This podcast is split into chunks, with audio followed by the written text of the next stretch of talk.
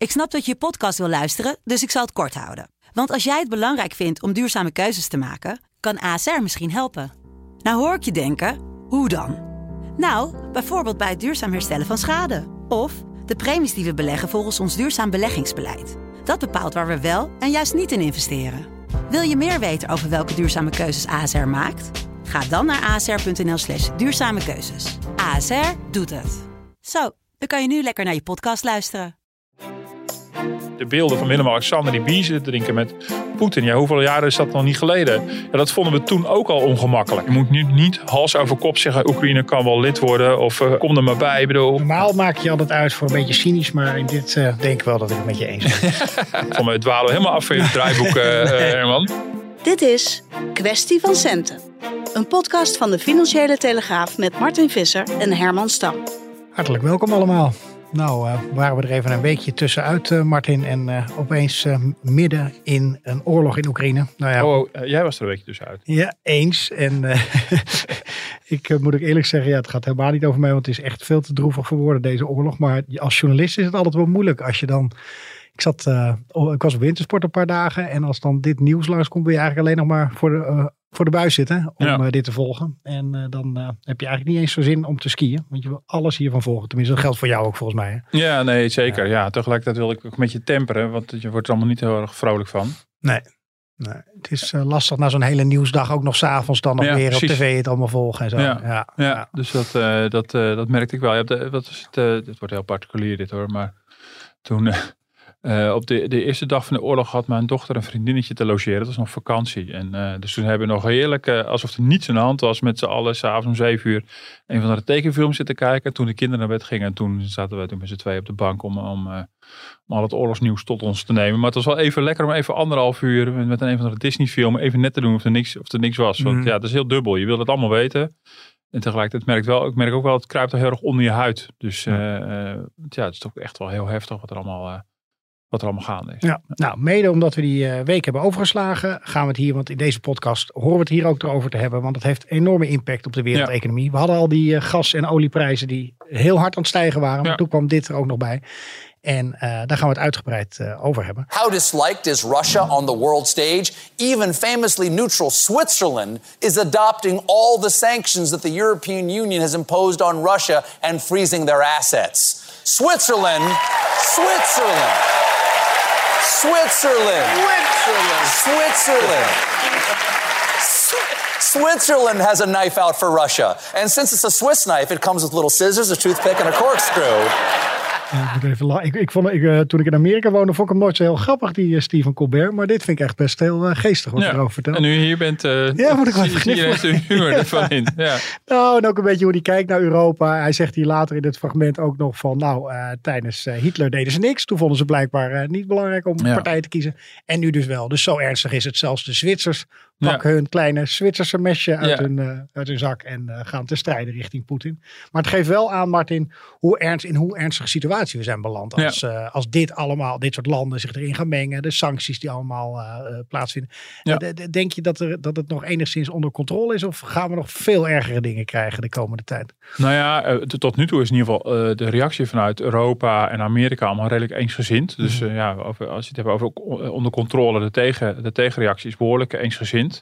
Dus um, uh, dat is in ieder geval gelukt. Ik ben benieuwd of die eensgezindheid ook gaat blijven in de komende tijd. We hebben natuurlijk geen idee hoe lang dit allemaal gaat duren. Uh, hoe het allemaal afloopt, hoe gruwelijk het allemaal nog wordt. Dus dat is ook heel lastig. De onzekerheid is natuurlijk heel groot. Maar als het een langlopend, langlopende strijd is, een langlopende oorlog, ben ik, en, en het gaat ook met allerlei repercussies ook hebben, ook voor Europa, ben ik ook wel benieuwd hoe lang die eensgezindheid allemaal gaat blijven. Maar nu is het wel duidelijk, ja. Nou, het is nu, kijk, nu zit toch in de fase ook dat het Ehm, eh, Mark Rutte heeft gezegd dat we, we, moeten de pijn dragen voor vrede en veiligheid. Ja, maar nu voelt niemand nog, nog die pijn, zeg maar. Dus nu is het ook makkelijk te zeggen. En nu zitten we nog in de fase uh, dat we vooral bezig zijn met good guys en bad guys. Waarbij het ook overduidelijk is wie wie is. En uh, we alles en iedereen nu gaan, gaan sanctioneren. En we kunnen niet meer naar Kandinsky gaan kijken in de Hermitage. Mm, ja. Want de, de, de tentoonstelling in de Hermitage voor, voor Russische schilders is gewoon gecanceld. Of is voorlopig dicht. Uh, Gergiev mag niet naar Rotterdam komen. Ik bedoel, we gaan dus zo ver dat ook alles wat ook maar enigszins Russisch ruikt of lijkt uh, gecanceld is. Dat is doe, doe je eigenlijk ook mee? Je hoort mensen zelfs met de wodkaflessen die ze niet meer willen aanraken en zo. Ja, nou, ik was al preventief bezig, want voor mij is het nog steeds dry January. Kijk, kijk, maar goed, dan wordt het. Ja, nee, nee, maar nee, ja, goed. dus, dus dat is natuurlijk de, de relatief. Even, als we even redeneren vanuit de politieke reactie van Europa. Ik bedoel, het is natuurlijk een, een, een, podcast die over de economie gaat en, en de politiek die over de economie gaat. En, en niet zozeer een militaire duiding voor wat er allemaal in Oekraïne plaatsvindt. Daar hebben we ook weer andere kanalen voor. als je daarnaar kijkt, is het nu, nu nog relatief makkelijk. Um, het is natuurlijk afwachten wat, hoe Poetin op een gegeven moment gaat reageren op al die, op die sancties. Als hij de gaskraan een beetje dichtdraait bijvoorbeeld. Mhm. Nou, hoe, hoe piepen we dan anders of niet? Uh, als de, de, bedrijven zich gaan melden die echt uh, de pijn beginnen te, te, ondervinden. Als de, de consumenten zich melden die de energierekening niet kunnen betalen. Ja. Maar goed. Dus maar, je, maar, maar, jij zegt wel van nou het is redelijk eensgezind. We hebben allebei in Brussel gezeten. En dan denk je van nou oké zie je met zo'n gemeenschappelijke vijand. Dan treden ze samen op. Maar toch zie je ook een beetje die sancties zo van nou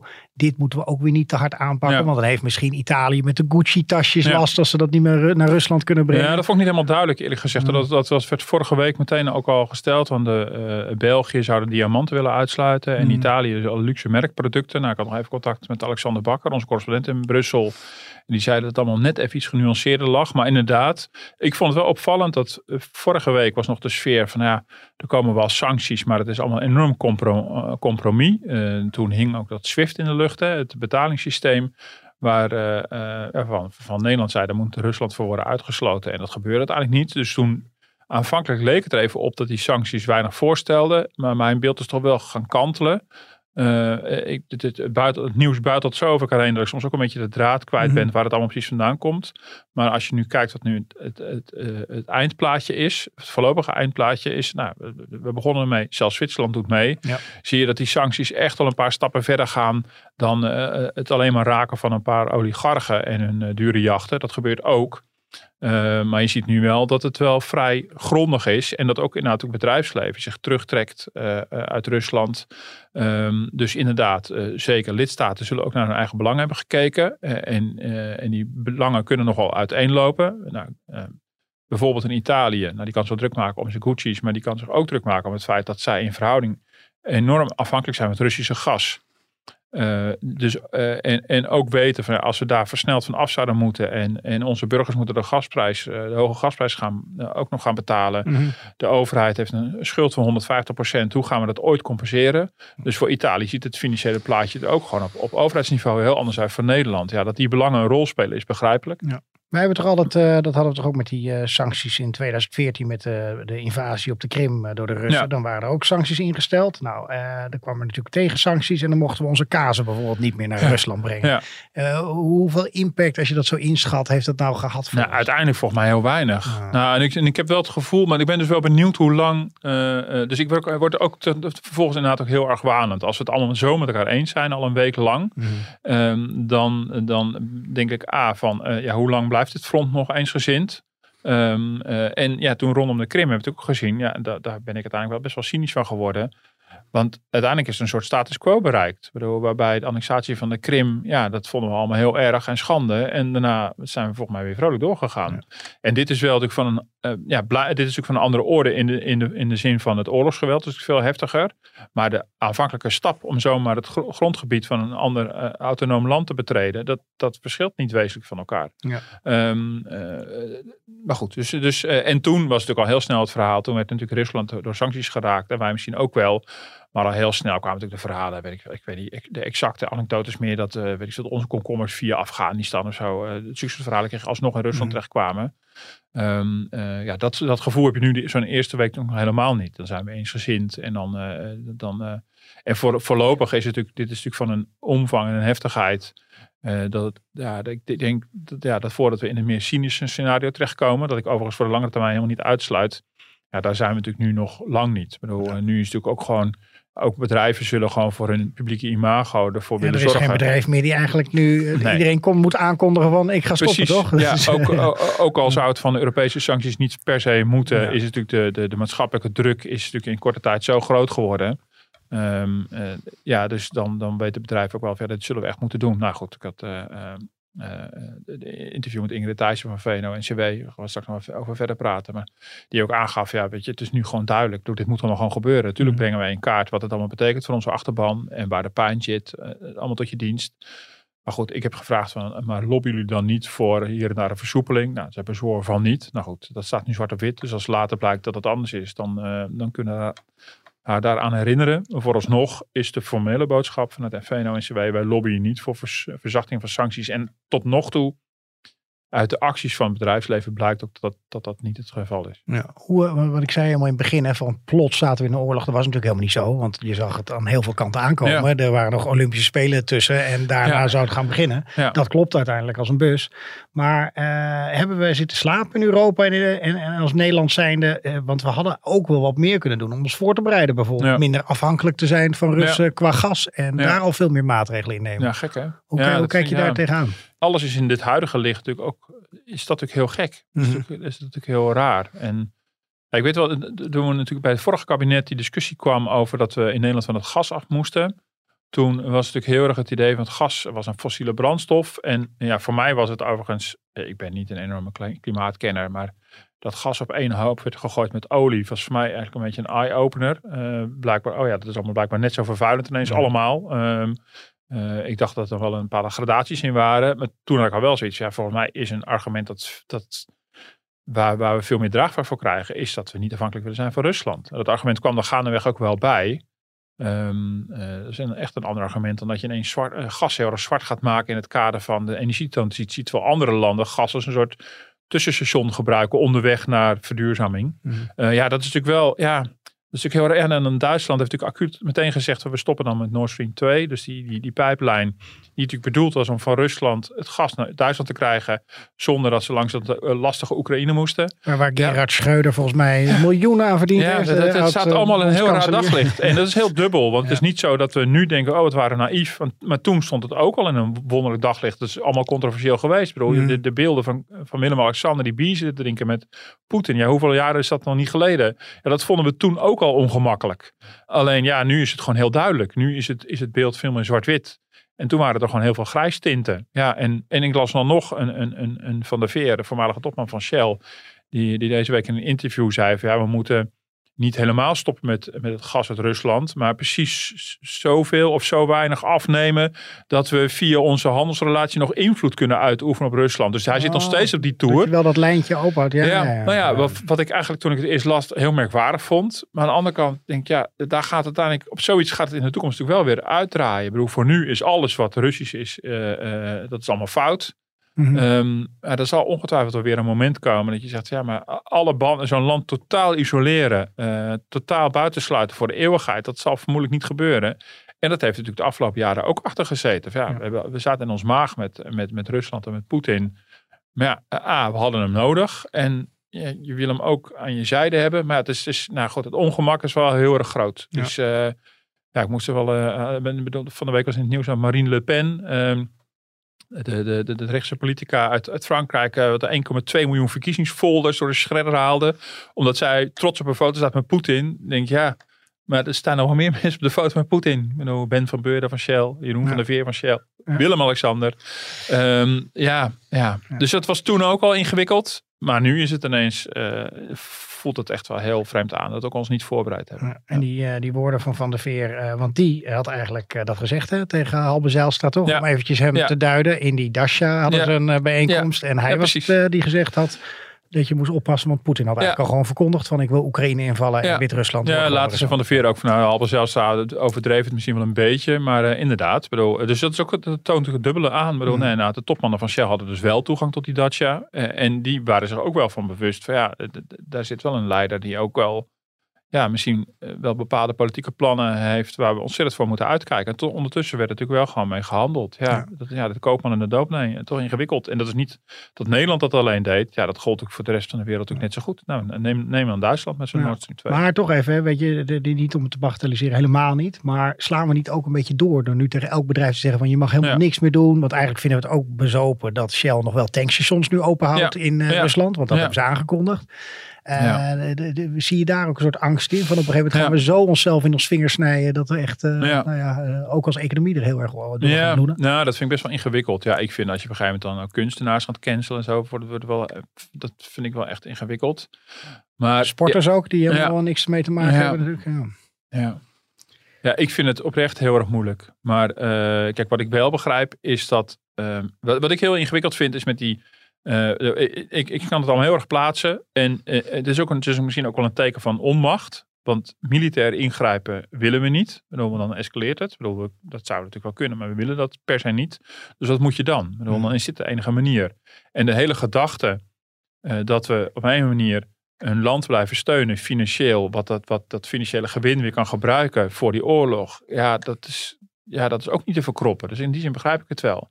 Maar ik heb er meer moeite mee. Uh, dat er dan uh, zitten de bakkeleien eh, om Rusland al dan niet van SWIFT af te gooien. Maar ondertussen blijven gewoon wel gas afnemen van Rusland. En we weten natuurlijk dat via Gazprom financieren we nog steeds gewoon uh, deze oorlog. En dat je daarmee in je maag zit, dat begrijp ik heel en erg En steeds meer, want die prijzen gaan steeds meer omhoog. Dus Precies. meer komt er binnen. Ja, nee, dat was al heel snel, dat was natuurlijk al heel snel duidelijk. Bedoel, ik vorige week nog meteen een rondje de economen gebeld. En nou, onder andere bij de Rabobank zeiden ze dat ook. Dat is gewoon het dilemma wat we doen met dat gas. Bij Iran waren we zo stoer om een totale boycott af te kondigen destijds. Maar bij Rusland, ja, als je, als je dan toch echt wil van ik wil op geen enkele financiële manier bijdragen aan deze oorlog, zou je een totale olie- en gasboycott moeten afkondigen richting Rusland. Maar kunnen we dat überhaupt? Nou, dat kunnen we dus inderdaad niet. En, en dat is natuurlijk heel zuur. Dus dan kan je met je dimdam over SWIFT. Maar dat leidt eigenlijk af tot de pijnlijke uh, andere vraag. En het is natuurlijk inderdaad zo dat als, als uh, uh, nou goed, we zaterdag een groot verhaal op, op de financiële pagina's, waarin onder andere Nout Welling van de Nederlandse Bank zegt, ja, als, als Poetin bij wijze van spreken als tegenreactie de gaskraan 10% zou dichtdraaien en de prijzen schieten daar 20% omhoog, hebben wij daar, zijn we daar financieel enorm de sjaak van. En Poetin krijgt per, per saldo nog meer geld binnen. Ja. Dus je weet gewoon, en, en bedoel, die staatjes zag je de afgelopen dagen natuurlijk ook. Dat de, de, de, de visie die, die Rusland tot de beschikking heeft. Dus de financiële middelen die er zijn, die zijn onder andere opgebouwd door de gasinkomsten. Uh, en daar, daar gaan we voorlopig nog mee door. Omdat we gewoon niet weten hoe, hoe we dat moeten stoppen. Maar de, dus in die zin die voorstanders zijn van kerncentrales zullen misschien zeggen, de oplossing was er al. Was wat eerder met die dingen begonnen te bouwen. Nee, zeker. Maar ja, dat is allemaal, allemaal achteraf. En dat wisten we toen. Ik bedoel, het is niet zo wijs. Het is geen wijsheid achteraf. Bedoel, mm. Want dat hadden we toen ons ook kunnen realiseren. Um, maar het is wel dat je daar nu niks meer mee kan. En dat is wel, ja, dus in die zin is het ook heel, is het ook wel best wel gênant. Uh, waar, waar, we nu, waar we nu staan. En ja, voor een deel is het dus symbolisch als, als bedrijfsleven zo korte met te maken met een, met een relatie met Rusland. Maar ik begrijp het wel. Het is ook een totale onmacht. Wat moet je? Ik bedoel, je wil er ook niet meer mee geassocieerd worden. Um, maar goed, het moet ook weer niet doorslaan. Want dat vind ik ook ingewikkeld. Ik bedoel, dan wordt het ook een soort borstklopperij van zie je ons is. Bedoel, uh, weet je, ik, dat vind ik, daar heb ik wel eerlijk gezegd. Ik begrijp ook wel dat deze tijden dat er grote woorden worden gebruikt. Dat, de retoriek heeft dan ook zijn functie. Maar ja, ik weet niet. Ik vind het toch moeilijk om dan te zien dat een Europees parlement gaat dan applaudisseren van een Zelensky. Ik bedoel, ja, je kan het ook niet niet doen, zeg maar. Mm. Of uh, dat we allemaal de ambassadeur in, in de Tweede Kamer, de ambassadeur van Oekraïne, sterkte gaan wensen. Uh, ik zag de beelden bij de State of the Union in Amerika, waar ook voor mij de uh, Oekraïnse ambassadeur een staande ovatie kreeg vanuit de Amerikaanse politiek. Ja. En we moeten ze lid maken van de EU, volgens ja, maar ik bedoel, dan, dan doe je dan met, we zijn natuurlijk allemaal heel erg voor Oekraïne, mm -hmm. maar uiteindelijk laten we hun natuurlijk zelf die oorlog uitvechten. Ik bedoel, dat ik weet ook niet, dat kan ook niet. Maar ik, dus ik zie er ook heel veel onmacht. En dat mm. wordt ook, ja, hoe, hoe groter je woorden worden, hoe harder je gaat praten, hoe meer je die onmacht ook wil, wil, uh, wil verhullen. Inderdaad. En dan ga je dan eens plotseling uh, het lidmaatschap van de Europese Unie aanbieden. Ja, ja dat, ja, nou, even los van of dat strategisch slim is ten opzichte van Poetin. Denk ja, maar waarom koppel je dat meteen aan elkaar? Omdat, we de, omdat nu de good guy en de bad guy zo duidelijk zijn, mag ineens Oekraïne er wel bij. Ja. Ons is de, tijdens het referendum, ja, voor mij dwalen we helemaal af van je draaiboek, uh, nee, Herman. Niet, ons werd bij het referendum destijds gezegd, nee, dat associatieverdrag met Oekraïne is absoluut geen opstap naar lidmaatschap. Nou, dat mm. geloofde ik toen al niks, niks van. Dat zie je dus wel. De agenda is uiteindelijk gewoon die landen allemaal lid te maken. En dan dat bevestigt... Vind je eigenlijk dat ze die crisis aangrijpen om dat ja. doorheen te duwen? Ja, ja. Vooral mevrouw van der Leyen. Dus en dat zie je dus. Je moet heel goed kijken naar, die, naar, de, naar, de, naar de woorden die gekozen worden vanuit de Europese politiek, met name vanuit de Europese Commissie en dergelijke. Je ziet heel sterk uh, dat een von der Leyen en Jozef Borrell, de buitenlandcoördinator, uh, en ook andere Europese politici, um, niet alleen zich afzetten tegen Rusland en Rusland veroordelen, maar ook zich op de borst kloppen en zeggen dat de eensgezinde reactie van Europa een historisch moment is. Uh, dus ze, ze benaderen ook heel erg dat deze eenheid in Europa iets zegt over de koers van Europa. Mm. Uh, en dat zie je dus, dus het momentum wordt gebruikt, uh, misbruikt, om te zeggen van nou, dit is echt, dit is, dat is eigenlijk een soort, bedoel, zoals Europa altijd een stapje verder gaat in een crisis, is dit ook een crisis die in die zin waarvan je proeft gewoon dat er een politieke agenda achter zit. En dat vind ik, dat moet je absoluut niet doen. Bedoel, dat moet je niet met elkaar verbinden. Je moet nu niet hals over kop zeggen, Oekraïne kan wel lid worden of uh, uh, kom er maar bij. Ik bedoel, ja, dat vind ik echt heel ingewikkeld. Je ziet dus, Georgië heeft al gezegd, uh, we willen er ook bij. Turkije heeft het al gezegd. Ja, en het is niet zomaar een, een samenwerkingsclubje waarbij je politiek dezelfde kant en neus dezelfde kant op wil hebben. Nee, dit bedoel, lidmaatschap van de EU gaat vele malen verder. Dat is toegang tot allerlei fondsen. Dat behelst zo ontzettend veel. Dat kun je niet. Dat is niet de scheidslijn tussen het foute Rusland en het goede de rest, zeg maar. Bedoel, daarvoor gaat een EU-lidmaatschap echt veel, veel verder dan alleen maar dat. Ja. Uh, en je ziet dus, nou, de, de, borstklopperij is echt ongekend. Ook, ook, uh, nou, dat, maar jij zegt ook van wacht maar, er komen scheurtjes. Ja, zeker. Nu, nu, nu ben je eens gezind, ja. maar op een gegeven moment moet het betaald worden. Nee, zeker. Kijk, en dan dus, gaan landen als Italië last zeker. krijgen. En dan, zeker. Uh, dus je krijgt politiek, krijg je de, de, de, de, de, de, hier de, de, de tegenslag vanzelf van een von der Leyen. Daar kan je al afvragen of het verstandig was richting Poetin om, om ze gelijk te bewijzen. Want inderdaad zie je wel, de Europese Unie slash NATO uh, die wil gewoon helemaal optrekken tot de grens van Rusland. Nou, dat heb je daarmee eigenlijk dat gevoel, dat, dat gevoel van bedreigd zijn. Wat, wat Rusland heeft, heb je daarmee bevestigd. Van inderdaad, de agenda is dus inderdaad om Oekraïne in te lijven. Eh, Oekraïne wil het overigens ook zelf. Maar dat willen wij dus blijkbaar ook. We willen helemaal tot die grens met Rusland blijkbaar gaan. Nou, dat is richting Poetin al niet zo verstandig. Maar ook bijvoorbeeld voor de binnenlandse politiek van Nederland. Bijvoorbeeld. Want dat is, Nederland is er nou helemaal geen draagvlak voor. Dus dan misbruik je dat moment ook. En dan kwam, dat is zeer de vraag wat inderdaad de, de, de economische uh, represailles gaan zijn, wat de gevolgen gaan zijn. Uh, wat betekent het als ineens de Europese Unie uh, denkt dat er een, plotseling een Europees defensiebeleid is? Mm -hmm. Wat betekent het als, als de Europese Commissie denkt dat dit een blijkbaar een stap voorwaarts is in Europese integratie, in de uitbreiding? Uh, wat gaat het betekenen als, als dit tot een economische crisis leidt die in Zuid-Europese landen veel moeilijker te dragen is dan in Noord-Europese landen?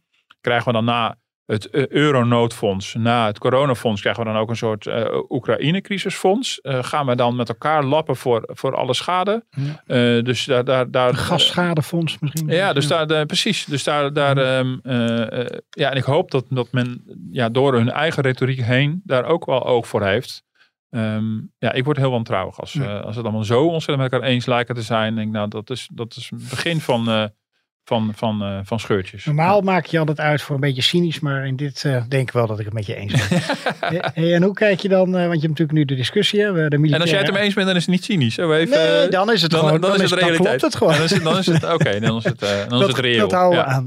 ja, ja. Hey, en hoe kijk je dan, want je hebt natuurlijk ook die discussie over de militaire uitgaven. Dat begint nu ook steeds Duitsland 100 miljard uitgeven. Hartstikke om idee. eindelijk die NAVO-norm te halen, waar Nederland, wat Nederland ook steeds niet haalt. Ja, wat Trump niet lukte, lukt Poetin dan wel. Ja. Nou ja, misschien baalt hij er zelfs nog wel van. Maar uh, ik denk dan altijd van, joh, Nederland staat overal met het vingertje omhoog. Met die uh, Europese normen dan.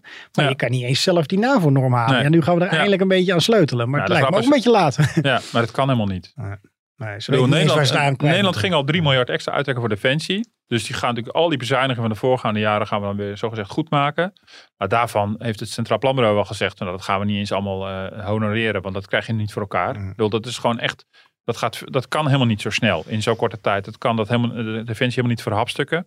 Uh, uh, daar hebben we de mankracht ook niet voor. We hebben tekort op de arbeidsmarkt. Dan laat staan dat ze nog eens een keer 2 miljard bovenop moeten in het Nederlandse geval. Ja. En dat zou voor Duitsland niet heel veel anders zijn. Dus wordt allemaal Duitsland gaat het wel halen. Als die 100 miljard, dan heb je wel ja. die 2%. Want daar gaat het om met die 2% van je BBP. Ja, je kan het wel apart zetten, maar, maar daarmee heb je het nog niet uitgegeven. Bedoel, de vraag is of kan een sector dat ook aan, zeg maar. Bedoel, Je kan ook zeggen, we gaan 100 miljard aan onderwijs uitgeven. Ja, als, en, en, als er geen leraren zijn... Dan nee, als er geen leraren zijn, dan gaat dat niet. Weet je, dat is het punt. Bedoel, dus je kan het wel beloven en de politieke wil kan er wel zijn. Uh, het, het, is, dus het klinkt allemaal heel fraai. Mm. Uh, maar goed, uh, ik, ik ben heel benieuwd. Dus in Nederland zie je dat terecht dat, dat men daar wat terughoudender op reageerde. Van uh, nou, nou, uh, uh, we gaan eerst eens in kaart brengen of het überhaupt wel kan. Dat leek me een hele goede reactie.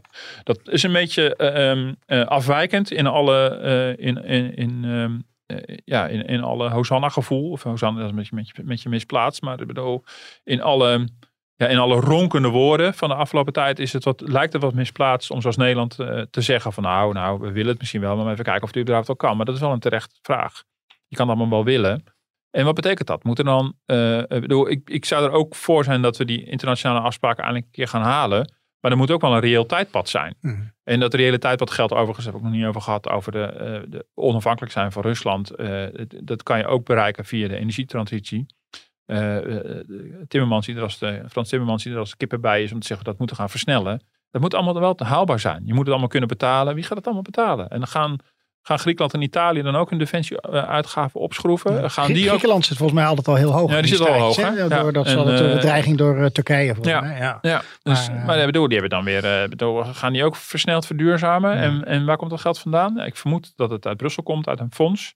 En dan denken we dat het geld gratis is, dat, dat, dat de Europese Commissie dat uit de lucht plukt. Maar onderaan de streep staan we gewoon als Eurolanden gewoon garant voor elkaar. Dus dat gaat nog, um, uh, ja, daar gaan nog stevige robbertjes gevochten worden over hoe we dat met elkaar gaan betalen. Ja.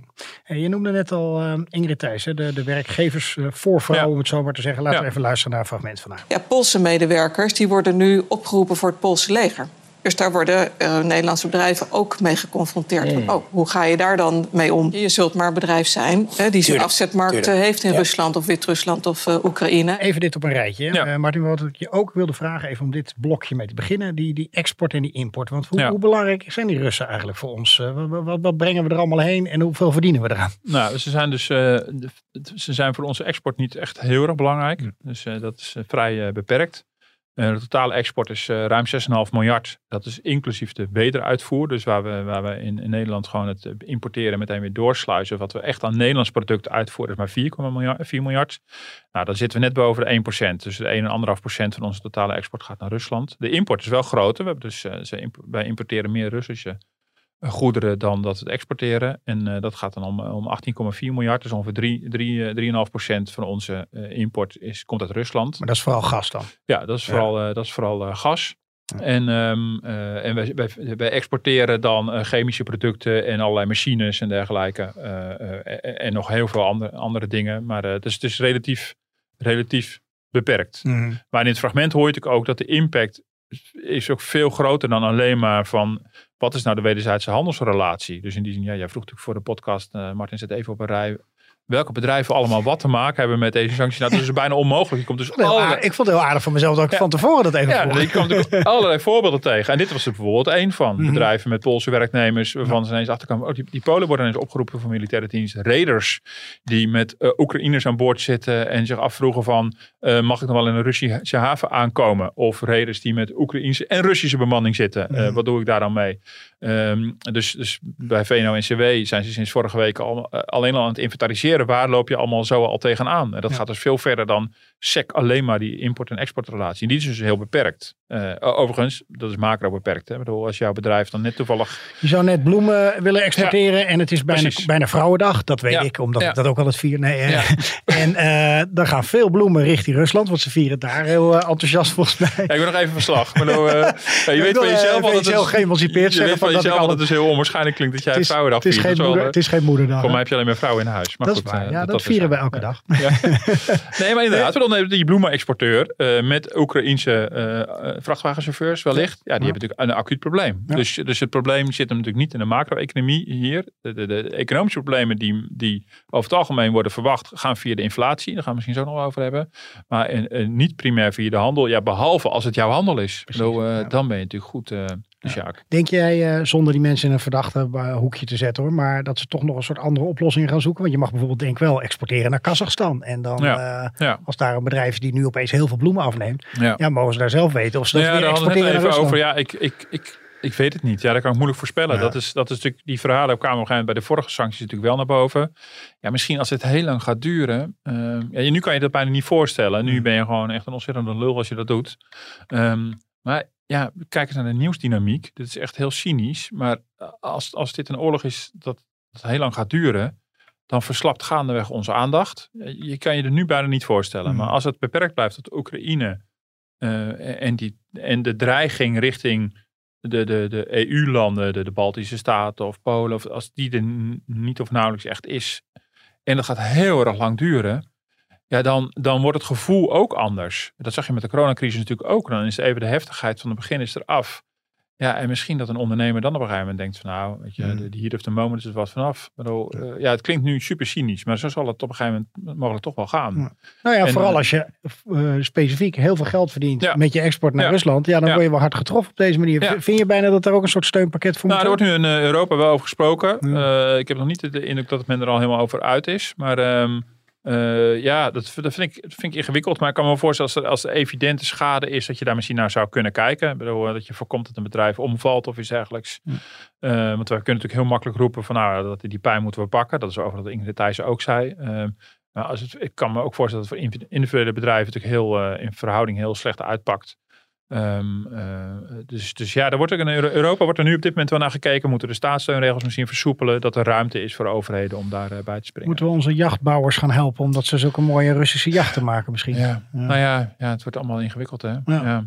Ja. ik, eh, dat wordt, ja, ja, dat weet ik niet. Ja, aan de andere kant denken van, wat is er mis mee met de bouw van een jacht? Maar ja, omdat je natuurlijk de, de, de, de klant niet zo sympathiek vindt. Mm. Eh, dus ja, je kijkt nu al met die bril van die oorlog daarnaar. En eh, ehm, neem ja, als de, als de bedrijven eh, evenredig, eh, onevenredig zwaar worden geraakt, kan ik me nou voorstellen dat dat er, eh, ja, en dan zal, zal ook gekeken worden.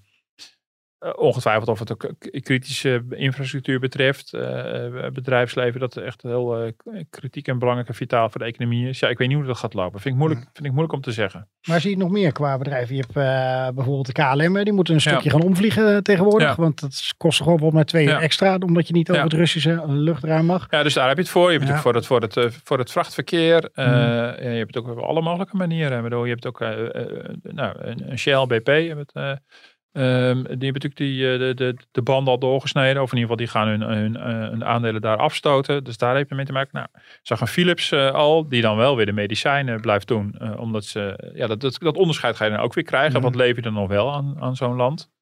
Ehm, nou, we noemden al de Hermitage. Ik bedoel, eh, die ook, eh, ja, dat, dat, ja, dat is natuurlijk een Amsterdam, Sint-Petersburg. Dat is natuurlijk, Ja. ja. weet je, dat hoort ik. eh, eh, goed, die hebben in ieder geval de, de Russische eh, connecties eh, willen ze doorknippen. Dus ja, het je komt het echt, eh, je, je komt allerlei voorbeelden kom je natuurlijk tegen. Eh, ehm, ja, dan heb je natuurlijk ook nog de impact gewoon van de wereldmarkt. Hè? Ik bedoel, de, de bakkers die de veel duurdere graan moeten kopen. Ehm, eh, Omdat vooral dan graan uit Oekraïne ja, komt, Oekraïne, ook Rusland, Ja, maar ja. ook vooral eh, ook Oekraïne. Dus Mhm. eh, de graanprijs gaat, gaat sky high. Eh, allerlei grondstoffen. Ehm nou, Ingrid Thijs noemde een voorbeeld van een pelletbouwer. Iemand die pellets maakt. En, en, en vreest dat er een tekort aan hout komt. Dus je krijgt ook tekort aan grondstoffen. Dus ja, het zijn, er zijn heel veel sectoren die op een manier, mee worden, die op een manier worden getroffen hierdoor. En kunnen we dat aan? Want eigenlijk zitten we weer in de zoveelste crisis dan. Ja. Want we dachten net, Ja. die coronacrisis beginnen we een beetje uit te komen. De eurocrisis hebben we overleefd en nu krijgen we dit weer erover. Nou ja, daar, daar heeft de glazen bol nogal heel veel mist, moet ik Mhm. zeggen. Eh, je ziet ook wel dat, eh, dat, eh, dat ja, heel veel voorspellers daar enorm zitten te worstelen. Het is wel heel voorzichtig aan beginnen de eerste banken nu hun ramingen bij te stellen omlaag. Maar doen het allemaal nog heel mondjesmaat. Eh, eh, ja, die denken natuurlijk vooral nog in scenario's van wat als het nu nog verder escaleert. Eh, wat, wat doen we dan precies? Als het nou, als, als inderdaad Poetin terugslaat door de graskraan een stukje dicht te draaien. ehm, of misschien helemaal. Ik, ik weet niet. Bedoel, daar heeft hij ook zichzelf mee overigens. Als hij het helemaal dicht draait. Maar, ehm, eh, ja, dus dat is ook ontzettend lastig. Je ziet dus nu de economische onzekerheid is heel erg groot. Ehm eh, ja, vooralsnog uit de, de meeste ramingen blijkt dat er nog steeds de economie zal blijven groeien dit jaar, komend jaar. Alleen het is allemaal net een tandje minder. Maar ja, eh, het viel me ook op dat in steeds meer analyses het woord stagflatie eh, voorkomt. Eh dan gaat het niet specifiek over Nederland, maar over Europa. Dus een combinatie van een hele hoge inflatie met een stagnerende economische groei, een stagnerende economie. Ehm, dat is een vervelende combinatie, to say the least. Ehm, ja, dus, dus daar wordt al wel voorzichtig rekening mee gehouden eh, dat het die kant op zou kunnen gaan. En dat hangt ook erg van, eh, toch ook wel, eh, het hangt af van de, van, eh, ehm, ook van, van de psychologie. Hoe, hoe, hoe vatten we dit op? Hoe zien we dat er zo'n grote bedreiging? Er kan ook een soort self-fulfilling prophecy natuurlijk in zitten. Je ziet de beurzen die natuurlijk wel, we, zitten stuiteren de afgelopen dagen. Maar dan, toen ze zakte aanvankelijk weg, ze maakten weer wat goed. Ehm, eh, dus daar lijkt het, ja, er is geen totale paniek op de aandelenbeurzen. Maar ja, je ziet wel dat dat er een vlucht is naar, naar veilige staatsobligaties, bijvoorbeeld de Duitse. Dus je ziet wel, je ziet wel de rentes weer dalen. Ehm, dus ja, dat is wel een teken dat, dat er wel eh, een soort veilige haven wordt gezocht door, eh, door beleggers. En bij mij is wat je net schetste de grootste angst dat die gaskraan langzaam wat dichtgedraaid gaat worden. En wat het bedrijfsleven dan mee te maken krijgt. Want nee, dat is toch, en, en de burgers. Dus, nee, maar zeker. Ja, geen idee. En ik moet wel zeggen, ik, vanuit, dat hoor ik dus vanuit de Nederlandse en Europese politiek nog relatief weinig. Natuurlijk, er wordt het een en ander gezegd over de koopkracht. En, en, daar heeft natuurlijk alles mee te maken. Maar ja, wat nu als dit, als dit toch een ontaart, ook in, ook in een economische crisis. Ehm, wat dan? En ja, op basis alleen maar van de in- en exportcijfers met Rusland, ja, daarvan kan je het niet verwachten. Maar de impact kan natuurlijk veel groter zijn. Via de prijzen van grondstoffen, via de prijzen van olie en gas. Ehm, eh, dus in die zin, ehm, ja, daar, ja, daar moeten ze ook zich wel een beetje op voorbereiden. Ja, daar wil ik nog even verder uh, met je over hebben ter afsluiting. Wat, uh, hoe, hoe je dit nou in je portemonnee voelt. En speciaal voor de mensen met een kleine portemonnee, maar ook de middeninkomens met een wat kleinere beurs. Daar zullen we ons heel precies op richten. Om ervoor te zorgen dat we hè, ook hen zo goed mogelijk helpen in het dempen van die effecten. Maar het is niet mogelijk om dat in een week of twee weken rond te Dat zal hoe dan ook nog maanden duren. Dus. Geen maanden, maar zeker weken. Dat is onvermijdelijk. Ja, premier Rutte. Ik weet even eigenlijk niet wie hem nou, uh, met wie die in gesprek was. dat kon ik zo snel even niet horen maar dat maakt uh, niet uit. Het gaat, over de, het gaat over de portemonnee. En we zitten, we hebben, daar hebben we het al vaker over gehad in deze podcast. Het kabinet beweegt niet echt zo. We nee. hebben het dan over de voorjaarsnota, maar die schijnt eigenlijk in de zomer uit te komen. Of dat, eh, dat horen we pas in de zomer. Of het echt allemaal effect heeft op onze portemonnee. Maar dat heeft nog niet eens te maken met Oekraïne. Dat nee. was gewoon al omdat we ja, al uh, in de problemen zaten. Ja, ja. En nu Martin, wanneer gaan ze ons helpen? Nou ja, dat, uh, dat, dat is toch de grote vraag. Als we het bij de voorjaarsnota doen. De voorjaarsnota is een, een normaal moment in, in de begrotingscyclus. Waarbij uh, op een rij wordt gezet door het ministerie van Financiën hoe de lopende begroting, hoe de begroting voor het lopende jaar gaat. Uh, ja, we noemen dat dan nog steeds begroting. Natuurlijk een beetje gek, want het jaar is al lang, lang en breed begonnen. En dat heet een voorjaarsnota, maar die komt dus in mei en in juni is de besluitvorming over. Uh, maar er wordt natuurlijk al heel lang gezegd, met de voorjaarsnota gaan we dat doen. ook al toen er geen sprake was van oorlog in Oekraïne. want de inflatie loopt natuurlijk al een tijd heel erg op. Uh, in, in, de, in de afgelopen maand was, was de inflatie in Nederland boven de 7%. Uh, was ietsje lager in januari, was het, was het nog verder boven de 7%. Um, dat zijn we bijna al normaal gaan vinden, zulke inflatiecijfers. Maar we weten dat, dat dat nog veel verder doorstijgt. Want in dat laatste maandcijfer zit nog maar heel beperkt uh, de, de, de effecten die in de laatste paar dagen van februari waren uh, door olie- en gasprijzen en andere graan- en grondstofprijzen. Um, dus wordt al heel lang wordt het doorgeschoven. Uh, ja, en je kan ook zeggen, voor een goede, zuivere besluitvorming is dat misschien wel goed. maar ja, de tegenvallen stapelden zich er zo op natuurlijk voor het kabinet. Want dat ging natuurlijk ook over de, de box 3, de spaartax. Um, uh, bijvoorbeeld. Het ging ook over tegenvallers uh, de, de, de, uit Europa. De mate waarin we Europese steungeld konden gebruiken. Het ging over de tegenvallers uh, bij de opvang van, van, van asielzoekers. Dus er was een combinatie van allerlei tegenvallers. En dus die koopkrachtreparatie. Ja. En dat vraagstuk wordt nu alleen nog maar groter. Ja. Um, ik ben heel benieuwd hoe ze dat gaan doen. Want we hebben nog geen, we zien nog, nog geen begin van waar dat moet, waar dat moet gaan eindigen. Je zag natuurlijk van de week bij ons in de krant dat Wopke Hoekstra minister van Buitenlandse Zaken. Ja. Ik zie nog steeds als minister van Financiën en Kaag andersom. Precies, en maar dat goed, willen ze volgens mij ook allebei ja, eigenlijk andersom. Buitenlandse Zaken. Natuurlijk ineens het regeerakkoord uh, open leek te gaan breken. Mm. En Kaag en Rutte meteen zeiden, oh, oh dat, dat, dat, dat gaan we niet doen. Dus we willen niet alles op losse schroeven uh, zetten. Maar ja, je hebt natuurlijk wel, ik bedoel, je hebt inderdaad de, de, de portemonnee. Um, uh, en wat je daar al ziet is bijna een soort inflatie-inflatie. Dat denk ik, nou, ach, die inflatie, dat weten we nou wel. Mm. Bedoel, nou ja, zelfs op de kranten discussiëren natuurlijk ja. daarover. Ja, weet je, rondom de oorlog hebben natuurlijk, is er zoveel nieuws wat zoveel indruk maakt. En dan kom ik dan aan met mijn inflatiecijfers. Ja, ja, ja, ja, ja dat is heel erg. Ja. Maar uh, ja, vorige week had de Rabobank uh, al uh, ja, in overleg ook met mij, op mijn verzoek ook heel snel die inflatieraming bijgesteld en opnieuw uitgerekend. En die gingen ervan uit dat over het hele jaar 2022 de, de gemiddelde prijs geen 5,5% zou zijn. Nou, dat is natuurlijk minder dan dat maandcijfer, maar dit gaat over het hele jaar. En het is even voor het beeld. Hè, bedoel, uh, in het najaar van vorig jaar dacht het planbureau nog dat de prijsstijging 2% zou zijn.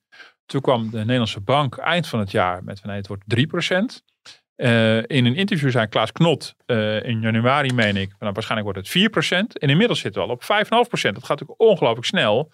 Ja, en een prijsstijging, uh, uh, ja, dat betekent dus dat alles duurder wordt. Dat, dat gaat natuurlijk van je besteedbaar inkomen natuurlijk af. Mhm. Dus ja, dit, dit, dit, dit nou, dan heeft natuurlijk niet iedereen een flexibel energiecontract waarbij die meteen alles meteen voelt. Maar ja, gaandeweg zijn steeds meer mensen met, met vernieuwing van energiecontracten merken natuurlijk de gevolgen van die, van die gestegen prijzen. En, en, daarnaast, nou, daar begonnen we al, begonnen we over lage inkomens, zullen al lang gemerkt hebben dat ook heel veel gewone producten in de supermarkt eh, duurder aan het worden zijn, stapje voor stapje. Dus er komen steeds meer mensen in de knel. En hoe lang kun je die nog aan het lijntje houden? Heb je niet uh, van, nou, er is best wel geblunderd met het beleid. Van we hebben te laat geschakeld, uh, of we hebben ons te afhankelijk gemaakt van Rusland. Ja. Nou, dan moet de overheid maar zorgen dat de belasting op energie wat naar beneden gaat. Want ja. daar, ik kan niks aan doen dat die energieprijzen zo enorm de lucht in. nee, zeker. Maar daar, daar, zit, daar zit natuurlijk ook gewoon echt een dilemma van. We noemden het net al even, die, die, die kerncentrales. En bedoel, je hebt dus echt het dilemma van, je moet dus je, die financiële kant en, en de inhoudelijke kant van die hele energie energieportefeuille. Die energiebelasting is natuurlijk, naast dat het een inkomsten voor de staat is, is natuurlijk, is natuurlijk bedoeld als een soort prijsprikkel om zuinig te zijn met je energie. Dat mm was een beetje de gedachte. Je, je probeert het gedrag van mensen te sturen. Dat is ook de reden waarom natuurlijk altijd over de CO2-belasting wordt gesproken. op die manier probeer je het gedrag van bedrijven te sturen. Um, uh, dus dat je nu uh, uit deze nood die, die energiebelasting moet terugschroeven. Um, ja, staat ook wel haaks op, op de hele klimaatgedachte van, uh, van dat beleid. Net zo goed als andere onderdelen van het klimaatbeleid waarschijnlijk opnieuw tegen het licht moeten worden gehouden. Uh, als we heel snel van, uh, van de afhankelijkheid van Rusland af willen, ja, dan moeten we misschien wel stappen nemen die helemaal contrair zijn aan wat we eigenlijk van plan waren met het klimaatbeleid. En misschien op lange termijn dat je dan weet ik veel, windmolens per se en hele rattenplan allemaal wil. Je bedoelt eigenlijk de groene plannen van dit hele ambitieuze uitgeefkabinet, heb je ja, zoals genoemd, in, in de eh, tussentijd, eventjes een beetje ja, onhold. Ja, ja. Ik bedoel, de kans is natuurlijk heel groot dat daar discussies over gaan komen. Mm -hmm. Van misschien moet in de tussentijd uh, ja, dan toch maar even uh, voor lief nemen dat we minder, vormen, minder duurzame vormen van energie gebruiken, omdat we de, de, de, de onafhankelijkheid van Rusland belangrijker vinden dan die klimaatdoelen. Ja, ik, ik, weet, ik weet het eerlijk gezegd niet. Ik vind het nogal een ingewikkeld vraagstuk. Mm -hmm. Maar dat gaat, natuurlijk, dat gaat natuurlijk op tafel komen. Dat is natuurlijk onvermijdelijk. Dat gaat, uh, dat, dat gaat natuurlijk zeker komen. En daarom is het natuurlijk heel makkelijk te roepen vanuit Brussel van nou, we gaan die, uh, die agenda versnellen. Maar dat moet ook allemaal technisch mogelijk zijn. Het moet financieel mogelijk zijn. Dus nee, dit, dit, uh, dit haalt meer overhoop dan alleen maar even aan een belastingknopje draaien. En, uh, en dat is wel blijkbaar heel erg ingewikkeld. Helder. Wat een timing. Hoeven alleen maar naar de regisseur te kijken. En dat is alweer uh, tijd voor de laatste ronde. Zo klinkt het ook. We mogen weer naar de kroegen. Dat is het niet. Dit is, dit is meer de rondvragen. Ja. Onze nieuwe rubriek.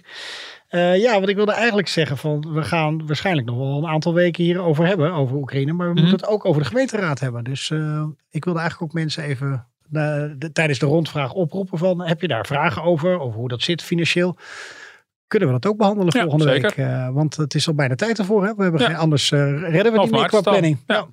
Dus uh, dat zou mijn bijdrage zijn. en bij jou wil ik eigenlijk even horen of je nog vogeltjes hebt gespot. Of er, of er een nieuw vogeltje richting... richting nou, ik kan moeilijk elke week met een vogeltje aankomen. nee, ja, nee. Mijn, mijn bijdrage voor de rondvraag was nog even dat het Songfestival niet bekend is geworden. Ah, ja, ja, ik heb, dus, heb je het ook gehoord ook? Ja, ik heb het al gehoord. Zeker. Ik ben al een paar keer geluisterd. Ja. ik ben helemaal geen Songfestival fan. Maar ik ben wel fan van S10 die uh, onze inzendingen oh. is. En uh, ja, een geweldige jonge zangeres. Uh, het liedje De Diepte, het is, het is echt heel mooi. Mm. En ja, dus, dus ik, ja, ieder, ieder, jaar lijkt het onze bijdrage aan het Songfestival beter te worden. Dus steeds, ieder jaar word ik een klein beetje maar, meer, Martin, meer fan. ik zal je één ding verklappen. Wie het Songfestival gaat winnen dit jaar. En dat is maar één land. Dat is Oekraïne natuurlijk. Oh ja, ja, ja. Sympathy ja. vote. En dan, ja. dat wordt natuurlijk weer een heel politiek circus. Dat ja. kan je niet missen. Ach, dat maakt niet uit. Bedoel, wij hebben in ieder geval een mooi liedje. En dat is heel mm. fijn. Want heel veel liedjes zijn vaak wanstaltig. Dus, dus in die zin kijk ik er eigenlijk helemaal niet graag naar. Mm. Maar ja, ik vind het bijzonder dat, nou, dat ze een heel mooi liedje naar het Songfestival zenden. En Rusland mag inderdaad dus niet meedoen. Nee. Ook weer nieuws van de afgelopen week. Uh, dus, uh, ja, dus dat was even mijn, uh, mijn bijdrage. Volgende week misschien weer een vogeltje. Zo, zo ziet u maar met deze rubrieken. Dan komen allemaal leuke dingen te weten van Martin. En jij hebt alleen maar de gemeenteraadsverkiezingen. Ik, heb een heel, ik hou het heel zakelijk. Ja, ja ik ben ja. op vakantie geweest. Dus ik mag niet te veel over mijn privé meer uitweiden. Oh, nee? Gewoon aan het werk. Hmm.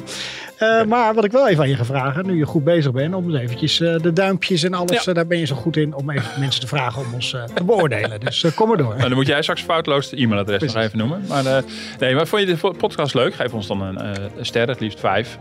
of duimpjes. Blijkbaar zijn er ook apps met duimpjes. Laat een comment achter. Dat is ook wel altijd leuk om een andere te laten weten waarom je de podcast goed vindt. Um, en voor reacties kun je mailen naar Oh jee, ik voel druk. Podcast.dft.nl. Daar zijn we ook gewoon op uh, te bereiken. Bedankt voor het luisteren en tot volgende week. Tot volgende week.